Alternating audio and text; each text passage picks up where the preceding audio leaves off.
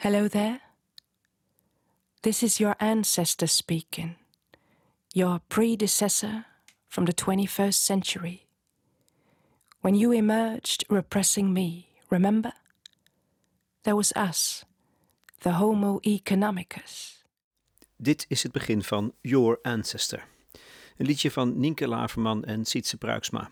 Ze spreekt er toekomstige generaties in aan. Mensen die zullen leven over 100, 200 jaar. Luister, dit is jullie voorouder. Heb je twee minuutjes voor mij? Ik moet jullie iets vertellen. Het lied maakt deel uit van Plant, hun nieuwe productie over de klimaatontwrichting. En het is misschien wel het centrale lied dat ook als eerste werd uitgebracht als single in wat ze noemen de Slow Album Release. Nienke heeft het uh, toegestuurd aan de Engelse filosoof Roman Krasnarek, die zojuist, hoe is het mogelijk, een boek heeft gepubliceerd onder de titel De Goede Voorouder. En hij is aangenaam verrast. I love your ancestor. It is such an amazing. I don't even know what it is. Is it a poem? Is it a a, a ritual? Is it a, a, a you know? Obviously, it's a work of video art. It's everything. Zelf weet ze ook niet zo goed waar zoiets vandaan komt. Ja, dat lied schrijft zichzelf. Het is de muziek van de taal die je sommige regels ingeeft. The, the, the sentence uh, to not get lost in the future, you must know your past, right? It's really the ast sound that brought me to that sentence. To not get lost in the future, you must know your past, right? And then afterwards, you look to the sentence and say, hey, that's actually a good sentence. It means something. Uh, absolutely. To me, it's one of the most significant sentences in the whole thing because it, it connects us through time. It's telling us that in order to understand the future, we must look in the past. There's a beautiful, um, in Aotearoa, New Zealand, a Maori saying, which is something like, I walk backwards into the future with my eyes on the past. You know, and it has a little bit of that feel of it. Uh, to me, but it's so funny also that then, of course, when we released the single, uh, uh immediately afterwards, someone gave me your book. You know, look at this book, your an- uh, uh, the good ancestor, and it's so funny then uh, that this word ancestor is apparently hanging in the air, uh, which I was really not conscious of while I was writing uh, the song. But so that was, yeah, and of course, so it was obvious that I, um, at one point, I, I should ask you for these plant podcasts, but I'm very happy you said uh, yes, and. Um, well, I have a lot of questions. So um, I think we could easily speak for a few hours, I'm afraid. But well, I'll try to stick to the most uh, important ones and see where we end up. But um, since your book is about uh, thinking long term in short term world, I would say, well, let's take time, you know, let's uh, think long. Roman Krznaric is een vooraanstaande filosoof. Hij woont en werkt in Oxford en stond aan de wieg van The School of Life. Het gesprek vindt plaats in het Engels. We hebben ervoor gekozen, Nienke en ik, uh, Lex Bolmeijer, om niet te vertalen, om de stroom van het onderhoud niet te onderbreken. Maar we hebben wel een vertaling gemaakt en die is te lezen op de website van Nienke Laverman, dus je kunt meelezen. Het gaat allemaal over het idee dat we moeten leren denken op de lange termijn. En oh, wat zijn we verslaafd aan de korte termijn, spekkies, marshmallows, instant bevrediging. We moeten, volgens Kursnarik, ons eekhoornbrein ontwikkelen, letterlijk eikeltjesbrein. Dat deel van de hersenen dat wel degelijk gericht is op de lange, soms zelfs zeer lange termijn, zodat we een wereld zullen nalaten die ook over zeven generaties nog leefbaar is. Het gesprek gaat dus over tijd, diepe tijd, en over empathie en politiek. We spreken elkaar via internet, Stel, eh, Roman, dat je ons mee zou kunnen nemen naar een plek die je dierbaar is. Waar zou dat dan zijn? Well, I'm going to take you on a small bike ride, bicycle ride from my house in Oxford in the UK. And we're going to head down the road to a little village on the edge of Oxford, and it's called Iffley Village. And at the end of the village is a church, which was built in the 12th century. And in the churchyard is a tree and that tree is a yew tree, an ancient yew tree, which dates from the time that the church was built. It's, say, about 850 years old. And we are going to not just go and look at that tree, We're not going to just touch its incredible bark, but we're going to climb up inside it because this is a tree that you can climb up into the branches. And for my 50th birthday recently, I went there with my partner and kids and we had a picnic in this yew tree. And while we were there, we talked about time. We talked about deep time. The fact that humankind has only been here for an eye blink in the great cosmic story. You know, just a couple of hundred thousand years in the billions of years of life on Earth and the billions of years to come. But it can be very difficult, I think, to grasp deep time, that sense of endless eons of years, millions, billions of years. So a tree is like a bridge because it has a lifetime that goes beyond our own, you know, a lot of trees. And that one that I've just taken you to was there during the time of the English Civil War in the 17th century. It was there when the Black Death ravaged across Europe in the 14th century. It will be there when we are long gone. So it's our connection to being, you know, that the ancestors of future generations and a connection back to our own. So that is where we are, up in the tree. Yeah, great. Beautiful.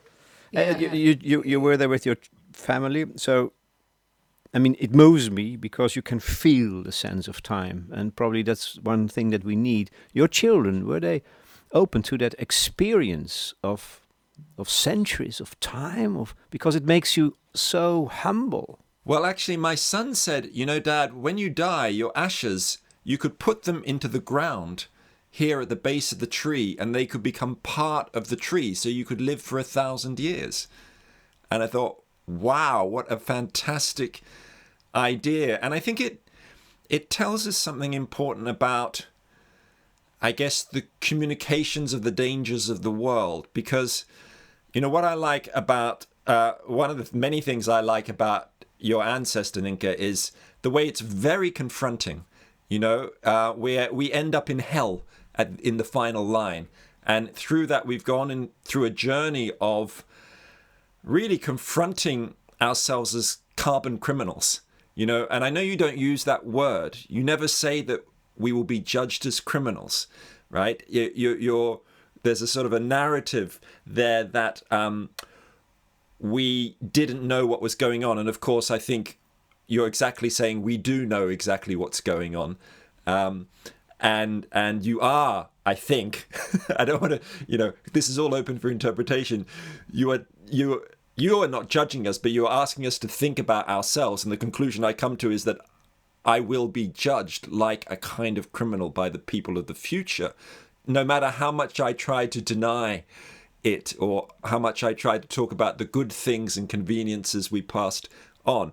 Um, but I guess to get back to my point, really, which is that the thing about my kids, you know, I've got 12 year old twins, and it, it's there's a question there of how much to talk to them about the, the tragedies of the Anthropocene, the, the, the you know, should we, like Greta Thunberg, you know, has said to the politicians of the world, our house is on fire, I want you to panic? Is that a good emotion to evoke in people? But actually, I think kids are pretty good at absorbing that and doing something with it. Like my son saying, oh, when you die, you know, your ashes can go and become part of this tree. There's a, you know, a, a sense of almost creative thought that comes with confronting death itself and also confronting these larger questions of the fate of our species. Yeah, it doesn't paralyze them. No, it doesn't. And I think there's something else I think is really important, which I, I really noticed when my daughter came back from the first Fridays for Future climate strike she went on. She said, That was fun. You know, that was fun because we are social beings. You know, we are the most social of all mammals. And I think that really comes through in your ancestor, actually, because what it's doing, at least to me when I read it, it's, uh, or when I listen to it as, as well, um, in a way, uh, when I learn to sing it, I want to learn to sing it. Um, that's one of my ambitions for the for the next month. Um, it really, no, it's true. Um, I've I've got I've got a secret um, plan to learn and to sing songs which are all about time, and this is one of my uh, top three, which I'm currently uh, been Wow. working on. Um, Yeah, Thank you so much. Yeah, but yes, what I was going to say is the connection through time is what comes through in in in your ancestor. This sense that you know you talk a lot about in in this work about consumer culture in effect, and you know it's consumer individualism which severs us, cuts us off from so much of what makes us social and relational, not just relational across space with people in today's world, your neighbors or strangers on the other side of the world, but the universal strangers of the future and the past. You know, you're bringing them into the room. And this happens in indigenous cultures. I remember speaking to a Maori activist who said to me, you know, the living, the dead, and the unborn are all here in the room with me. And I thought, what an amazing thought. I don't feel that, you know, because my culture doesn't give me that. But in fact, the power of your work is to, in a way, reconnect us with that culture, which we have had in Western culture, of course. You know, um, it's just been sucked out of us by the philosophy of Homo economicus, as you say. What I find so striking as uh, is the simple fact of that that you are addressing somebody in time, and suddenly, this person that might be living in uh, 200 years is there, is existing. So it's the imagine imagination that is creating this sense of time also.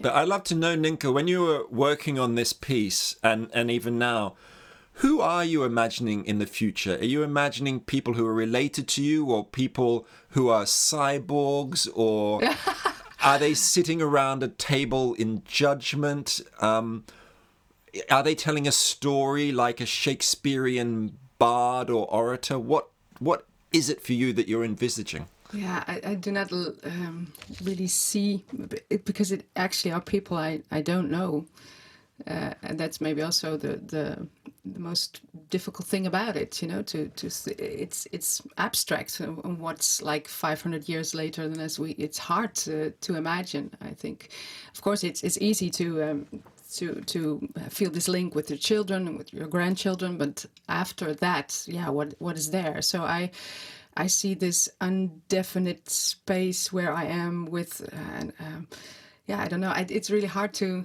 describe. Um, but maybe it's a good uh, thing to to uh, uh, sing a little part of the song. We always do that in every podcast, so the listeners know where we're talking about. Hello there. This is your ancestor speaking, your predecessor from the 21st century when you emerged repressing me, remember? There was us, the Homo economicus. Don't walk away. Please stay. Please listen to what I have to say. I know I'm out of favor, out of date. You hate me probably, and it's too late to change my fate. But please, two minutes for your ancestor the one that went before you, I assure you that when you let me explain a little more of what we went through, what we really meant to do, that the intention wasn't evil on our side, it might shed a different light on how you think of us, your ancestors, so you may learn from us because to not get lost in the future, you must know your past, right? You say growth was my holy grail. Yes, it was, and it failed. It couldn't last, I do agree. But in the middle of the hustle, you cannot really see. You say growth was my holy grail. Yes, it was, and it failed. It couldn't last, I do agree. But in the middle of the hustle, you cannot really see. That was amazing. I had my eyes closed while I was listening to that. and what really struck me, actually, just listening to that, was how I don't need to be able to picture any person or people in the future. It's actually in the voice, which was sort of filling my body, um, and the sort of emotional resonances and language too. So it actually tells us something kind of interesting about the power of sound, I think. Um, and and I was wondering because I read in in your book that you once took part in a workshop in which you did something comparable. Actually, you imagined your uh, at that time 10 year old daughter on her 90th uh, birthday uh, uh, and while she was remembering you and putting in words what she had learned from you and how you uh, inspired her what kind of experience was that it was an experience that still makes my hairs on my arms stand on end when I think about it because I was with a group of people in a field on the top of a hill in the English countryside, and we were told first to close our eyes and imagine a young person in our lives who we really cared about a nephew or niece or daughter or grandchild. So, as you know, I thought about my own daughter.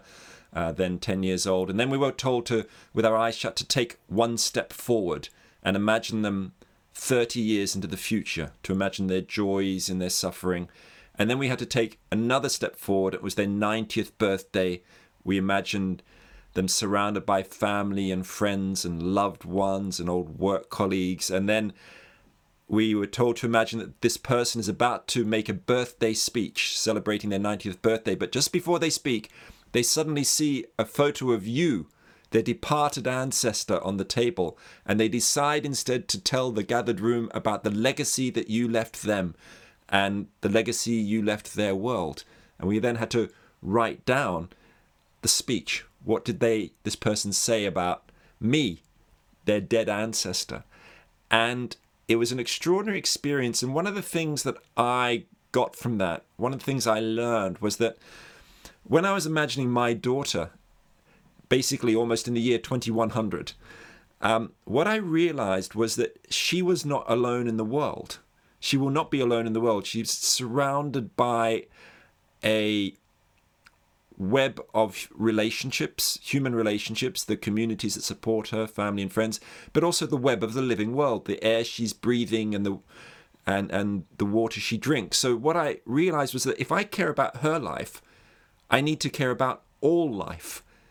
In other words, there's a bridge from the from the familial to the transcendent to something much more universal. And I think in terms of if I'm getting really practical about this, let me just give you an example. Not long ago, I was giving a, a, a talk about this book, The Good Ancestor, to, to British members of Parliament from many, from both left, right, and centre across the political spectrum. And what I decided to do, and what worked very well, was to talk, to start my talk by speaking about children, grandchildren that they may have who may might well live into the 22nd century and that they are not alone, that they're part of this web of the living world. And I think that really got through to these politicians, no matter where they stood on the spectrum. They might have different ideas about how we achieve a zero carbon world or whatever it is, but they're people, you know, they are embedded in kinship groups. And I'm not trying to be overly optimistic about what a politician will do. They have very short ter- time horizons, even two minutes, as you were just mentioning there, just asking for two minutes of time uh, in the part that you just sang. Um, but there's a potential there of of understanding something about human psychology, really, which is that we care about families, but those families are a link to something bigger, and we need to think bigger. You know, we can't be like an aristocrat who thinks about being a good ancestor being just passing on their big house or their money to their children or grandchildren. It must be something bigger than that. Uh, I, I, mentioned the song in the middle of the hustle we cannot really see, but still, um, there have been or there are still indi- indigenous peoples who think seven generations ahead. And it's so interesting. Um, can you tell something about it? How do they do this? you know, it seems so far away from our way of, of policymaking nowadays. Um, but I think once we, we knew how to do this, uh, apparently. Yeah, so there are communities around the world, indigenous communities, which have a deep sense of ecological stewardship. And one of the ways it's expressed is in decision making processes which invoke connect with future generations. So, in many Native American communities, Lakota people, Iroquois communities, there's this idea of seventh generation decision making. So, making community decisions, thinking on the impact seven generations ahead. But you find it in other parts of the world. So, I was recently talking to someone from the Moluccas Islands in uh, you know Indonesia, and uh, this person was saying that in village councils in the Moluccas Islands, um, they use seventh generation decision making too. They use seven. They look seven generations forward and back when they're making decisions. Um, and of course, other indigenous cultures have similar um, principles. They may not use the number seven, but so I've spoken to Maasai um, tribal leaders from Kenya and Tanzania who talk about having an, a 100 year plan, you know, for their communities. Um, whereas the NGOs they work with are thinking on cycles of two years or five years. Or in Aotearoa New Zealand, there's in Maori culture, there's a concept of whakapapa, which is spelt with a WH but pronounced with an F, whakapapa. And this is their word for lineage or genealogy, the idea that they are all in a long chain of life stretching far into the past and, and long into the future. And it so happens that the light is shining on this generation here and now. We need to widen that light. And, you know, as I think what's very clear from your ancestor, um, as you've expressed it, Nienke, is this idea that, you know, consumer culture particularly, but many other factors are trapping us in a ideology of I shop, therefore I am. Um, and when you combine it with the self help industry and so many other ways that neo, neoliberal individualism gets expressed, then how do we connect with those ancestors? Oh, I must tell you one more thing. The other day, I had this amazing conversation with a Somali activist in Brussels. Uh, no, actually, in, in Ghent, in, in Belgium. And she was saying that her grandmother would say to her, You know, if you're feeling a bit down or depressed, imagine yourself in the long line of of ancestors going forward and back and just stop for a moment, turn left and look them in the eye in the past, the person next to you, and then turn right and look the person in the eye who's in front of you and recognize that you have benefited from the person behind you and and the person who's coming after you depends on you. And remember that you're part of this great chain. I thought that is so beautiful. Actually, we're talking about the fundamental problem of empathy with people coming later, people that you don't know, or trees that you don't know. Um, now, ha you have already, I, I, I think, uh, mentioned a few ways of, of, of creating this empathy by, by dreaming or singing or a ritual or or mainly the image of us being a family. So is that the way to make it less abstract? Because uh, how can I feel empathy for somebody living in two years that I don't know and will never know? So the answer is see it as a family. Well, I've been struggling with this question for more than a decade because I've one of my previous books was called Empathy, and it was about how do we step into the shoes of other people. And and when I was writing that book, um, I was thinking mostly about stepping into the shoes of people who are alive in today's world, but maybe marginalized people, people whose voices aren't heard, whether it's someone homeless living on the streets or someone hit by an earthquake in rural China. Um, and I did start thinking about how do we step into the shoes of future generations, but I never really solved that problem if that's the right word how to do it because it's so difficult after i wrote that book I actually i founded a museum called the empathy museum which travels around the world and one of the exhibits we have created by our brilliant director Claire Patey, artist and curator, and that exhibit's called A Mile in My Shoes, and it's a gigantic shoe box which you can walk inside. The world's first empathy shoe shop. It hasn't been to the Netherlands yet. It's been in Belgium and Siberia, and it's in Australia at the moment. But you walk in, and someone will fit you with a pair of shoes belonging to a stranger, their actual shoes, like a Syrian refugee or a Brazilian sex worker or someone who's been in prison for 14 years, and you can actually put on their shoes while listening to an audio narrative of them talking about their own life in their own words. And it's very powerful and intimate. Um, and we've collected hundreds of pairs of shoes and stories from around the world. But there's a challenge. How do you do that with people 100 years from today when you cannot put on their shoes or listen to their story or look them in the eye?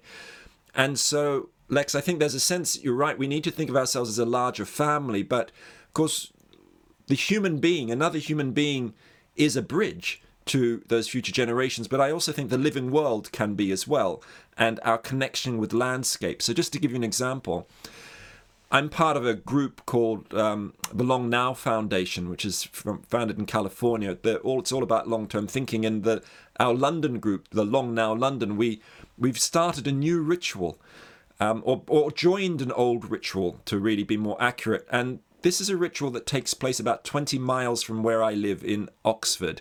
And there is a Bronze Age artwork, 3,000 years old, a gigantic white horse which is carved into the side of a mountain.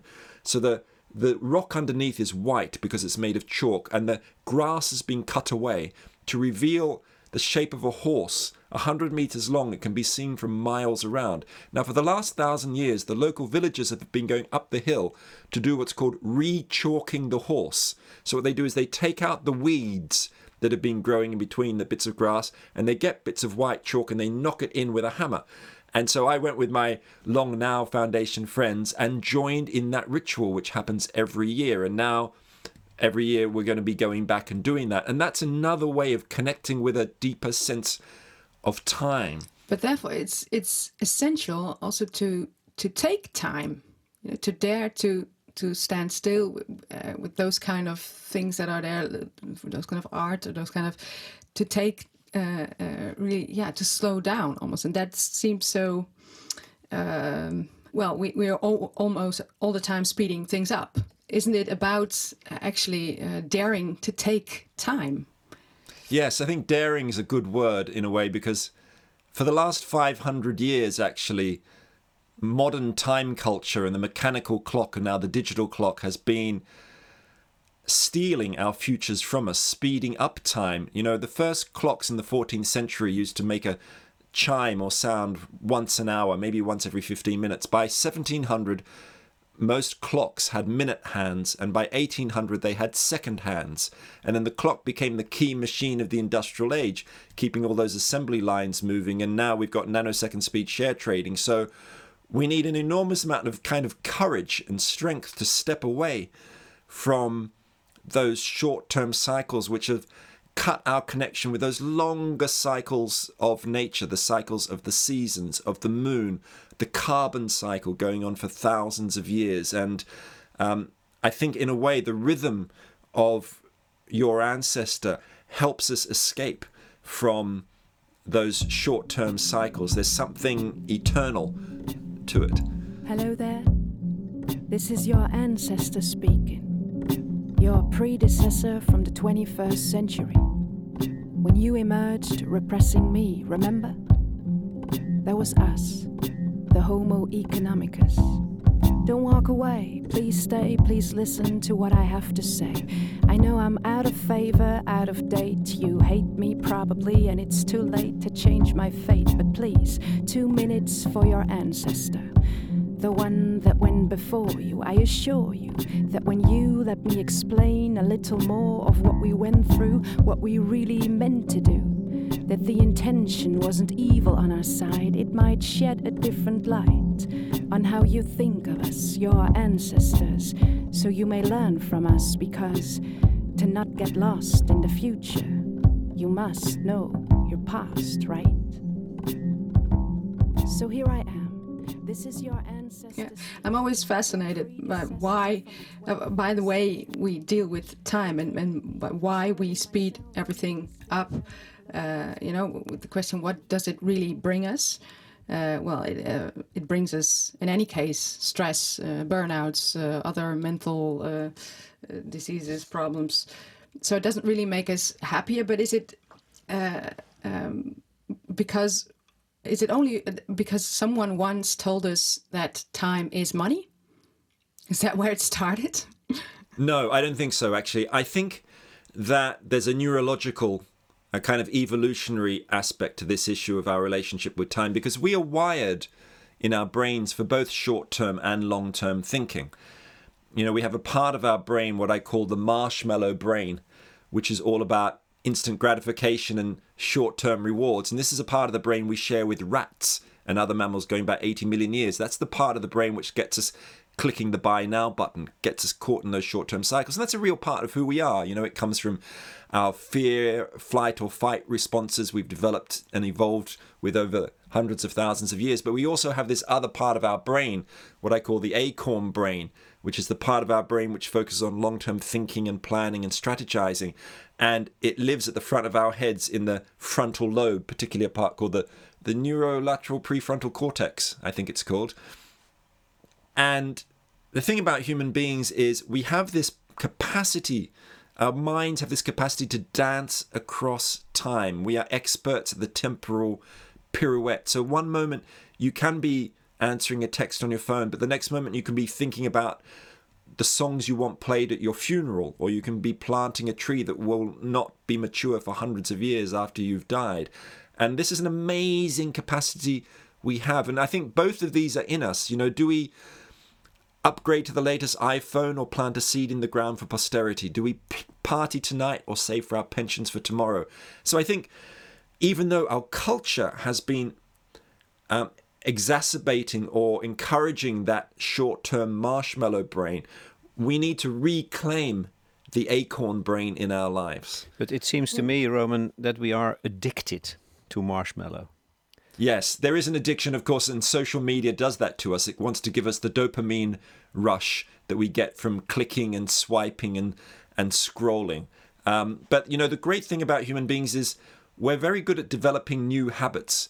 We can get addicted to lots of different things. You know, you can be addicted to your phone or addicted to sex or addicted to chocolate or but I love to, you know, but also we develop new habits like rituals that we can do like visiting an ancient white white horse or or climbing into an a, a 1000 year old yew tree with your kids you know we can create these things this is the beauty of human agency I was thinking, what could we put in place of the word money? If you say time is money, uh, time is. time is what well the word that came into my head was love but that sounds like a Mine bit of a cliche I had the same. I- but yeah. you know when i'm thinking there of love well what's coming into mind is a recognition that throughout human history there have been many different kinds of love so the ancient greeks for example talked about varieties of love so one kind of love was eros sexual passion and so on another kind of love was what they called philia which was about friendship uh, sort of like sacrificing yourself for your comrade on the battlefield. And then they have another kind of love which about which was about called agape, um, which is where we get the word charity, translated into Latin caritas. So that was the their word for selfless love. And then they had another word for self-love, philautia. Um, and Aristotle said that this split into two kinds. There was a, a negative kind, which was all about me, me, me, individualism and, and, and my my life and my happiness but also there was a, a more positive sense that if I want to love another person I need to love myself I can't be sort of bitter and twisted um, so the idea that I don't know what does that say about whether time is love or not but I guess maybe there are different kinds of time like there are of love and we need to embrace all of them. I don't know why why for you did the word love come into your mind?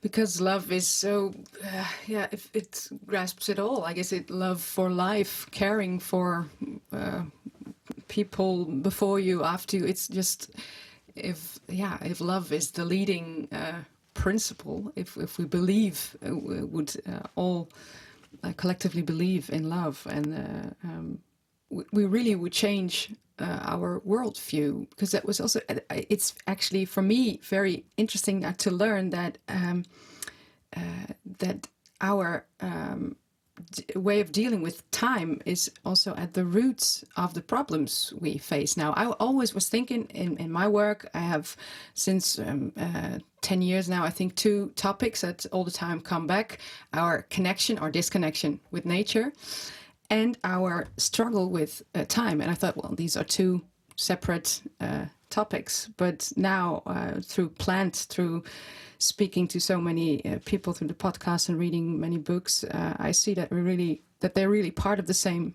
puzzle of the the puzzle of our way of looking to the world, our Western way of looking to the world. Well, I, actually, that's something that I learnt by writing this book, The Good Ancestor, in a way, because I started reading the work of the great biomimicry thinker Janine Benyus, uh, American biologist and sort of poetic thinker, and somewhere she writes about how what we need to do if we want to survive long term as a species, um, engage with time in that way, then we need to learn from nature's 3.8 billion years of research and development. And if you think about it, as she said, look, how have other species managed to survive for 10,000 generations or more when they're not going to be around in 10,000 generations at the time, whether it's a bear or a beaver or a bird? How are they going to survive for 10,000 generations or more? And she says, well, what nature has learned to do, what other species have learned to do, is to take care of the place that will take care of their offspring. In other words, to live within the boundaries of the ecosystem in which they are embedded, to not foul the nest, which of course is what humans have been doing at an ever increasing pace and scale over the last century. So there's a secret there for long term thinking, which is long term thinking is not just about extending our time horizons forward in time, but it's about reconnecting with place. So it's about falling in love with ice sheets and savannas and with mountains and with rivers, reconnecting, repairing the living world. And she quotes this very beautiful Mohawk blessing, which is spoken when a child is born Thank you, Earth. You know the way. And I think that, in a way, brings together time and the living world in a kind of harmony. So, actually, reconnecting to the to nature and reconnecting to the future it's it's the same thing actually Yeah, it's just taken me a long time to realize that. Yeah. Um, at least four years of writing a book for a start. Can we train our acorn brain? Yes, you can train your acorn brain. Isn't that great news? Um, but of course, there's different ways of doing it. So there's a very simple way that behavioral psychologists would want us to train our brains. Let me give you a, an example, which comes from kind of what's sometimes called nudge psychology, like just sort of nudging, pushing something along. Um, so in the United Kingdom, on average, 6% of people will leave a charitable gift or bequest in their wills when they die. So, a gift to people or planet could be a cancer research charity or a wildlife trust or something. So, 6%. Now, when people are writing their wills, if they are simply asked, Would you like to leave a charitable gift in your will? Suddenly it goes from 6% to 12%. And then if they are, someone says to them, a lot of people like leaving a charitable gift in their wills. Is there an issue that you really care about? Suddenly the number jumps to 17%. So there's an example of just even with using a few different words, a kind of behavioral cue or nudge, you can get people to connect more with the future. so we have Well- to be reminded We need to be it. reminded about death, actually. I think Yeah. that's the key, right? To because human beings, the good thing about human beings is that we die in the sense that of course there are the tragedies of death which are can be horrific, but also when human beings tend to reach middle age, most people start thinking about their legacy, about how they're going to be remembered when they are gone. How do you keep the fire of your light still burning? But we do it in many different ways. So a Russian oligarch might think, okay, the way I'm going to be a, an ancestor and be remembered is by having a football stadium named after me. So my name lives forever. And I think most of us, we want to connect with the future through family members, children, grandchildren, that kind of thing. But I really think that this, the struggle of being a good ancestor is something bigger than that. We need to, in a sense, train our acorn brains to be more transcendent. And that is a really challenging thing. And I think to do that, we need to come at it at many, many different angles because different things work for different people. Some people will read a book like mine and it changes them. Some people will listen to your ancestor and that will change them. Um, other people want to look at the mathematics of it and realize that look there are 7.7 billion people alive today but over the next 50,000 years nearly 7 trillion people will be born assuming this century's birth rates level off and stabilize now for some people who are more rationally minded that works for them that sense that there's a sense of scales and there's so many more people in the future than the present surely we have a responsibility to them um, so I think there are many ways to switch on this little acorn brain. We've got to get better at using it because the paradox here is that the need for long term thinking is incredibly urgent. We need it right here, right now. Yeah. Uh, and it has always, you know, been difficult to predict the long term future. It always has been difficult to to um, um, think in the future. But you also state in your book that it's even harder now because of the interconnectedness of everything and everyone in the world and the speed of developments. Um, so we need to think in in many scenarios, but um, shouldn't we also try to improve our capacity to deal with the uncertainty? Yeah, that's a really interesting point. I mean, if I was writing that book again, uh, there's one little thing I would change actually in what I said about uncertainty. Because I think it's true that the world is becoming more uncertain in so many ways because of global instability and digital connection and you know contagion effects and butterflies flapping their wings in Brazil and causing a hurricane on another side of the world that kind of idea chaos theory but on the other hand what I think I didn't emphasize enough in the book which is that the future in some way is incredibly certain and that certainty is that by 2100 we know as if we follow business as usual we'll have global heating of 3 to 4 degrees the the sea levels will be one to two meters higher. You know, in the Netherlands, 25% of the, the land is below sea level. And what's going to happen in 2100? Well, we know exactly the problems that are coming our way. This is incredible certainty. So I think on there's a I think a lot of people say, ah, there's no point planning for the future because um, we don't know what's going to happen. So let's just deal with things as they come. And I think that in a way that's a kind of ideology for inaction or apathy on some level. Um, but I do hear what you're saying, Nienke, about the idea of accepting uncertainty because I'm sort of thinking this more off the top of my head, really, that we. One of the things we do as human beings is because of uncertainty, we, particularly ultimately the uncertainty of death, we try and put ourselves in kind of cotton wool. We protect ourselves. And the way we protect ourselves is by buying shit that we don't need, you know, by going on holidays, flying to the Mauritius or whatever, you know, by comfort and convenience. Now, it's understandable because death is something that scares us, but we we have found one of the main ways we find our way through it is through consumer culture. Um, and there's a lot of studies uh, about this that actually, if you flash the word death in front of people on a computer screen so quickly that they can't see it, they'll actually be more likely to want to buy an expensive watch or go on holidays and things like that. You know, there's a direct connection. It's called terror management theory. It's very, very interesting. Um, but I think so. You're right. In in that sense, I think we need to embrace uncertainty. And how? How? Is there a way to about... no, is there a way to cope for, for you to cope with that, with that because death is certain. Yeah, I think I was talking about this the other day with a Japanese Buddhist monk called um, Shoukei Matsumoto. He's a very famous monk in Japan. He's written a book about how to clean your temple, um, and it's all about mindfulness. Very interesting. And we were talking about this very issue. And of course, in so many Buddhist traditions, there is a willingness to embrace the uncertainty of life. You know, to get close to death to recognize the impermanence of the world. But that doesn't mean that you are just living very short term here and now.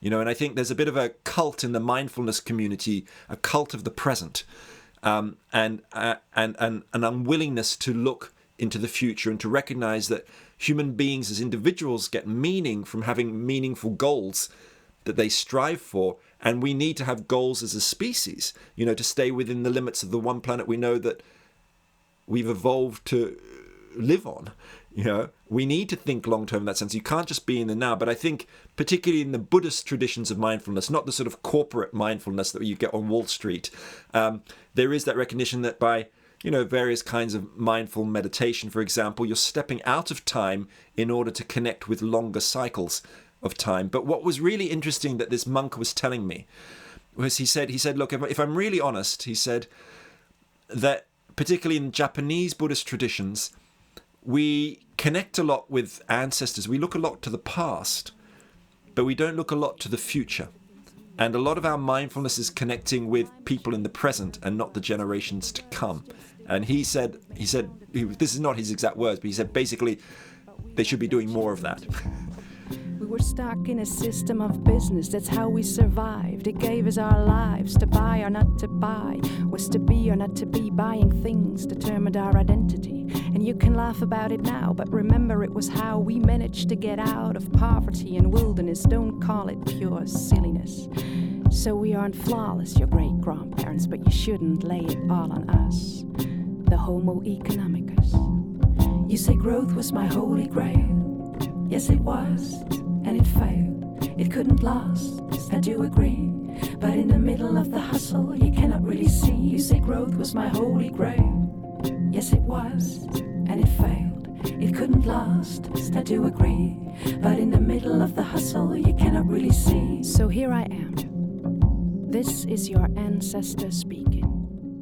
Your predecessor. I have I have a question because I think Aninke, it, it's about time to start our last subject, which is politics, the deep deep democracy, as you call it, uh, Roman. In your song, you you have these this line, but in the middle of the hustle, you cannot really see. If that's true, if we couldn't see the future and what's going to happen, that that would make us tragic people. But on the other hand, well, uh, governments are taken to court nowadays because we can see. In fact, that makes us criminals. Don't you think that's a better way of seeing it, uh, Roman? Absolutely. I love the idea that we're criminals, and that's what the Urgenda case and other legal cases around the world have been doing because they are telling us that we have moral and legal obligations to the generations of the future. I'm really impressed by a, an organization in the US called Our Children's Trust, which is a legal campaigning organization which is currently campaigning in the US, taking the federal government to court on behalf of 21 young people campaigning for the legal right to a safe climate and healthy atmosphere for both current and future generations. Now, this is an amazing, this is one of the most important changes in the history of rights since the French Revolution, the idea that future people have rights. And I know there are these cases in the Netherlands, of course, which are trying to, you know, take governments to court, holding them to account for not staying with their carbon reduction commitments. There's an- another new case um, coming out of Portugal. Six Portuguese youths have taken 33 European countries to the European Court of Human Rights for failing to act on the climate emergency, and that case is going on right now. These are long term struggles, but these are certainly one of the ways in which we will be judged. And I think the next ultimate step would be to make ecocide a crime under international law, just like genocide is the destruction of the living world. And there's a movement around ecocide as well for the International Criminal Court in The Hague to adopt it as part of a sort of international law and legal frameworks. And I think that's one of the that's not the only way using the law because law can be really slow. I mean, in Wales, they've got a future generations commissioner, which is a political position whose job it is to look at the impacts of public policy in economics, healthcare, education up to 30 years in the future. Now, the problem is that future generation commissioner doesn't have a lot of power. Um, and there's a campaign for the whole UK to have a commissioner who has more power, and also for that commissioner to be um, accountable to a group of citizens, a citizens' assembly. And I think the citizen assembly movement, which is exploding around the world, has is really important, and that's about getting random citizens, a bit like in ancient Greece, to help make government decisions. And it's you know growing in in Belgium, in Spain, in Ireland, and other places. And the great thing about your regular citizens, when you ask them to think about something like artificial intelligence or climate change, they take a much longer view than your regular politicians caught in 24 7 news cycles. Now, none of these are easy struggles to win, but I believe there is a rebel movement, a time rebel movement emerging around the world of people committed to trying to change political systems, change democracy, to give it a longer term view, but you cannot get political change without cultural change. You need to change the conversation in society. That's why you need art and music and theatre and film and science fiction novels and all this stuff, religion, everything. You've got to throw everything at this problem. Um, uh, now, you mentioned many different points in the world where things are moving and changing um, in different fields. Uh, in Holland, I, I witnessed the same thing. So many people, that's the good side, that's the hopeful side. uh, in opposition of the, the, the our marshmallow addiction. So many people are really already doing something, but on a small scale. Some sometimes local uh, in the way they they they build groceries. Uh, somebody else is is making a song. Uh, there's this people going to court. How can we create this connection between all those different initiatives? Is that what you call culture? I mean, is that the, the, the binding point? Absolutely, actually. I mean, in a way, one of the reasons I wrote this book, The Good Ancestor, was to try and give a language and metaphors, words, phrases to help kind of unite people that are already acting on intergenerational justice. So that term, good ancestor, is one phrase which a lot of people seem to be picking up on, not just because of me, but because of other people using phrases like that, even, you know, in the racial justice movement in the US and the UK, talking about being a good ancestor. Um, phrases like being a time rebel is another one I've tried to use to sort of connect with more activist communities. But what the, what it really requires in a way is to bring all of these time rebels into the same room, virtual room or a physical room, and say, look, you're all doing the same thing. Whether you are artists or political activists, whoever you are, you are caring about the world beyond your own lifetime. And that is an incredibly inclusive movement. And it's something very beautiful, but people need to be told in a way or given new narratives of who they are and what they're doing to make themselves feel they're part of a larger movement. Um, because, of course, there are people already acting around the world. So I think, Lex, you're absolutely kind of right. This is the work of culture is to change those narratives, to give us new language and also the language of feeling, you know, emotional connection with these issues too. And could we also say then that our empathy is growing? because it's also like eh, we're talking about the, in the legal field that uh, indeed we are given uh, rights also to, uh, to, we grant a, lot more rights to well women's rights, children rights, black people's rights, animal rights. Even a river in New Zealand got rights, um, and now maybe future generations.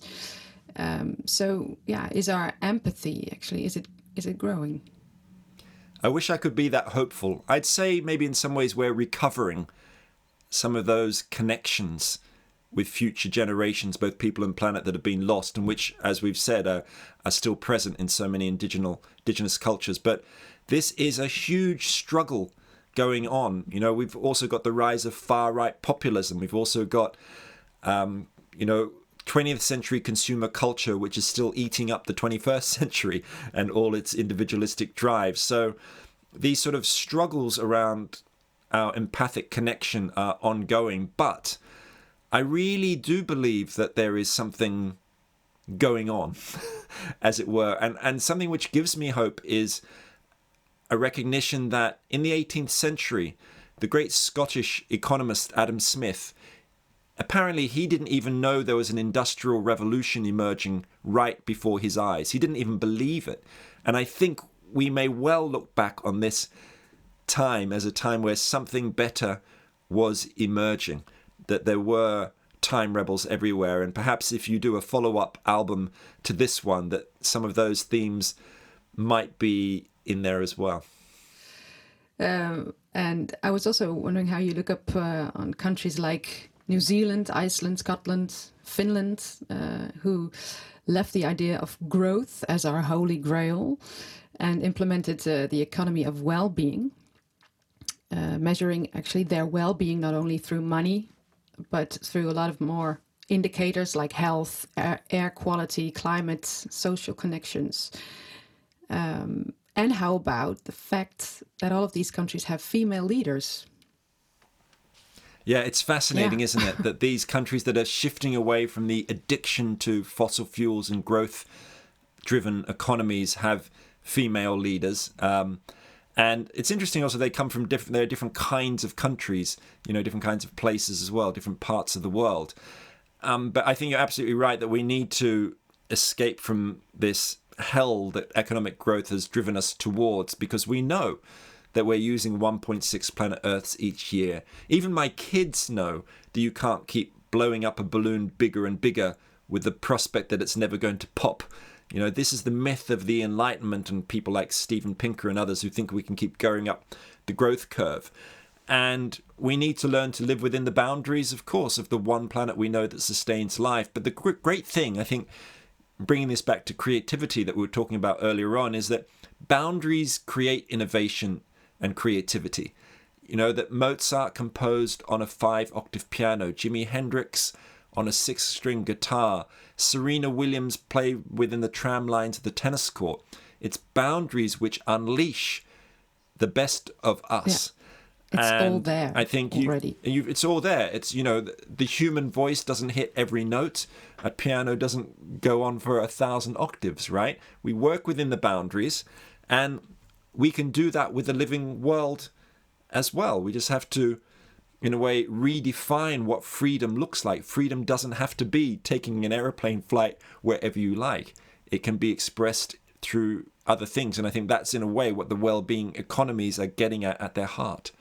In the Netherlands, we have uh, elections the coming months. And you and your wife are giving your electoral votes to your children. That is so inspiring. Um, what made you do this? Well, we, we first did it in at the end of 2019 when the UK had a general election, and we decided to give our votes to our then 11 year old twins. So we sat around the kitchen table and we debated the party policies and how the electoral system worked, and they then told us where to put the letter X on the ballot sheet, on the voting sheet. And luckily, they didn't exactly follow their parents' political opinions. They were independent people. And we did it partly actually because I'd noticed on Twitter, a very short term uh, form of technology, that there was a hashtag said, Give the kids your vote. And actually, in the European parliamentary elections that year, there were teenagers across Europe asking their parents and grandparents to give them their votes in the elections that year. So, you know, on some level, this is a symbolic act because even if you've got younger people voting, um, if your politicians are still got very short time horizons and they're still caught in what's going to happen in the next opinion poll or headline, they're not going to see long term. I mean, I, and I think we need to inject democracy with bringing young people in not just by voting but by through things like citizens assemblies as i've been talking about let's hear their actual voices but i still think the idea of give your votes to your kids or your grandchildren or a young person that you know why not do it because these symbolic acts are actually how we change who we are it's how we start having different conversations with ourselves and with others. We start listening to a different voice in the same way that your music is getting us to listen to a different voice as well, a voice from the future, a voice from the past. Um, according to you, there is a long-term civilization uh, developing. Uh, that's that's hopeful. That's an, uh, inspiring. Uh, and you make a distinction between optimism and hope. Um, and you state that your book is about hope rather than optimism. But why? What what is the difference according to you? Well, I don't know what it's like in Dutch, but certainly in English, those words have different meanings or can have. Mm-hmm. a lot of people see them in similar ways. For me, optimism is that very positive, half glass full view of the world where you are feeling good about things, even if the evidence is not there. You know, you just think it's going to be okay. But I'm more interested in evidence, and that's why I like the idea of hope. I think hope is about being committed to something, being driven by your values, even if you know that the struggle may be a difficult one. And yeah. This one we are engaged with is a difficult one. We are trying to change the fundamental institutions of society, the way democracy works, the way our economies work, the way nation states function, the way culture reproduces all of these things, trying to take on another path. None of this is easy, but I do have hope because of the fact that human beings are very good in crises. That I look at the world I live in now. There are lots of problems in Britain and in the world, but at least Britain, where I live, is no longer a colonial power in India. You know, it could be, it isn't. Something has changed there.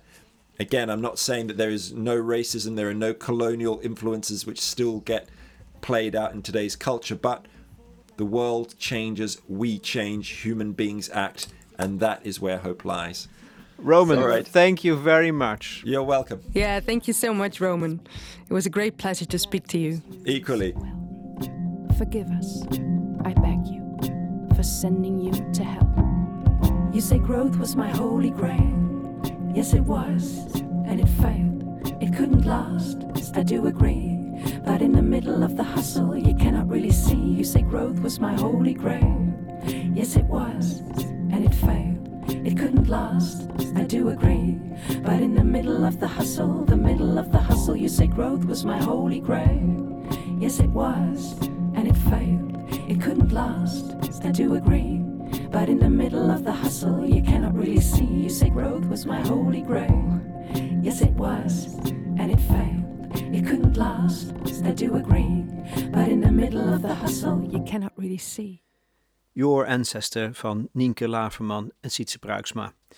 We spraken erover met de filosoof Roman Krusnarik, auteur van het boek The Good Ancestor, in het Nederlands vertaald als De Goede Voorouder. Buitengewoon inspirerend, maar dat hoeft na het afgelopen interview geen betoog meer. Het interview werd opgenomen door Lex Bolmeijer. Your Ancestor is uitgebracht in het kader van de Slow Album Release. In september van het jaar zal het hele album van Plant, gemaakt samen met Sietse Bruiksma, verschijnen als CD. Als voorstelling gaat Plant in première op 15 oktober in De La Mar in Amsterdam.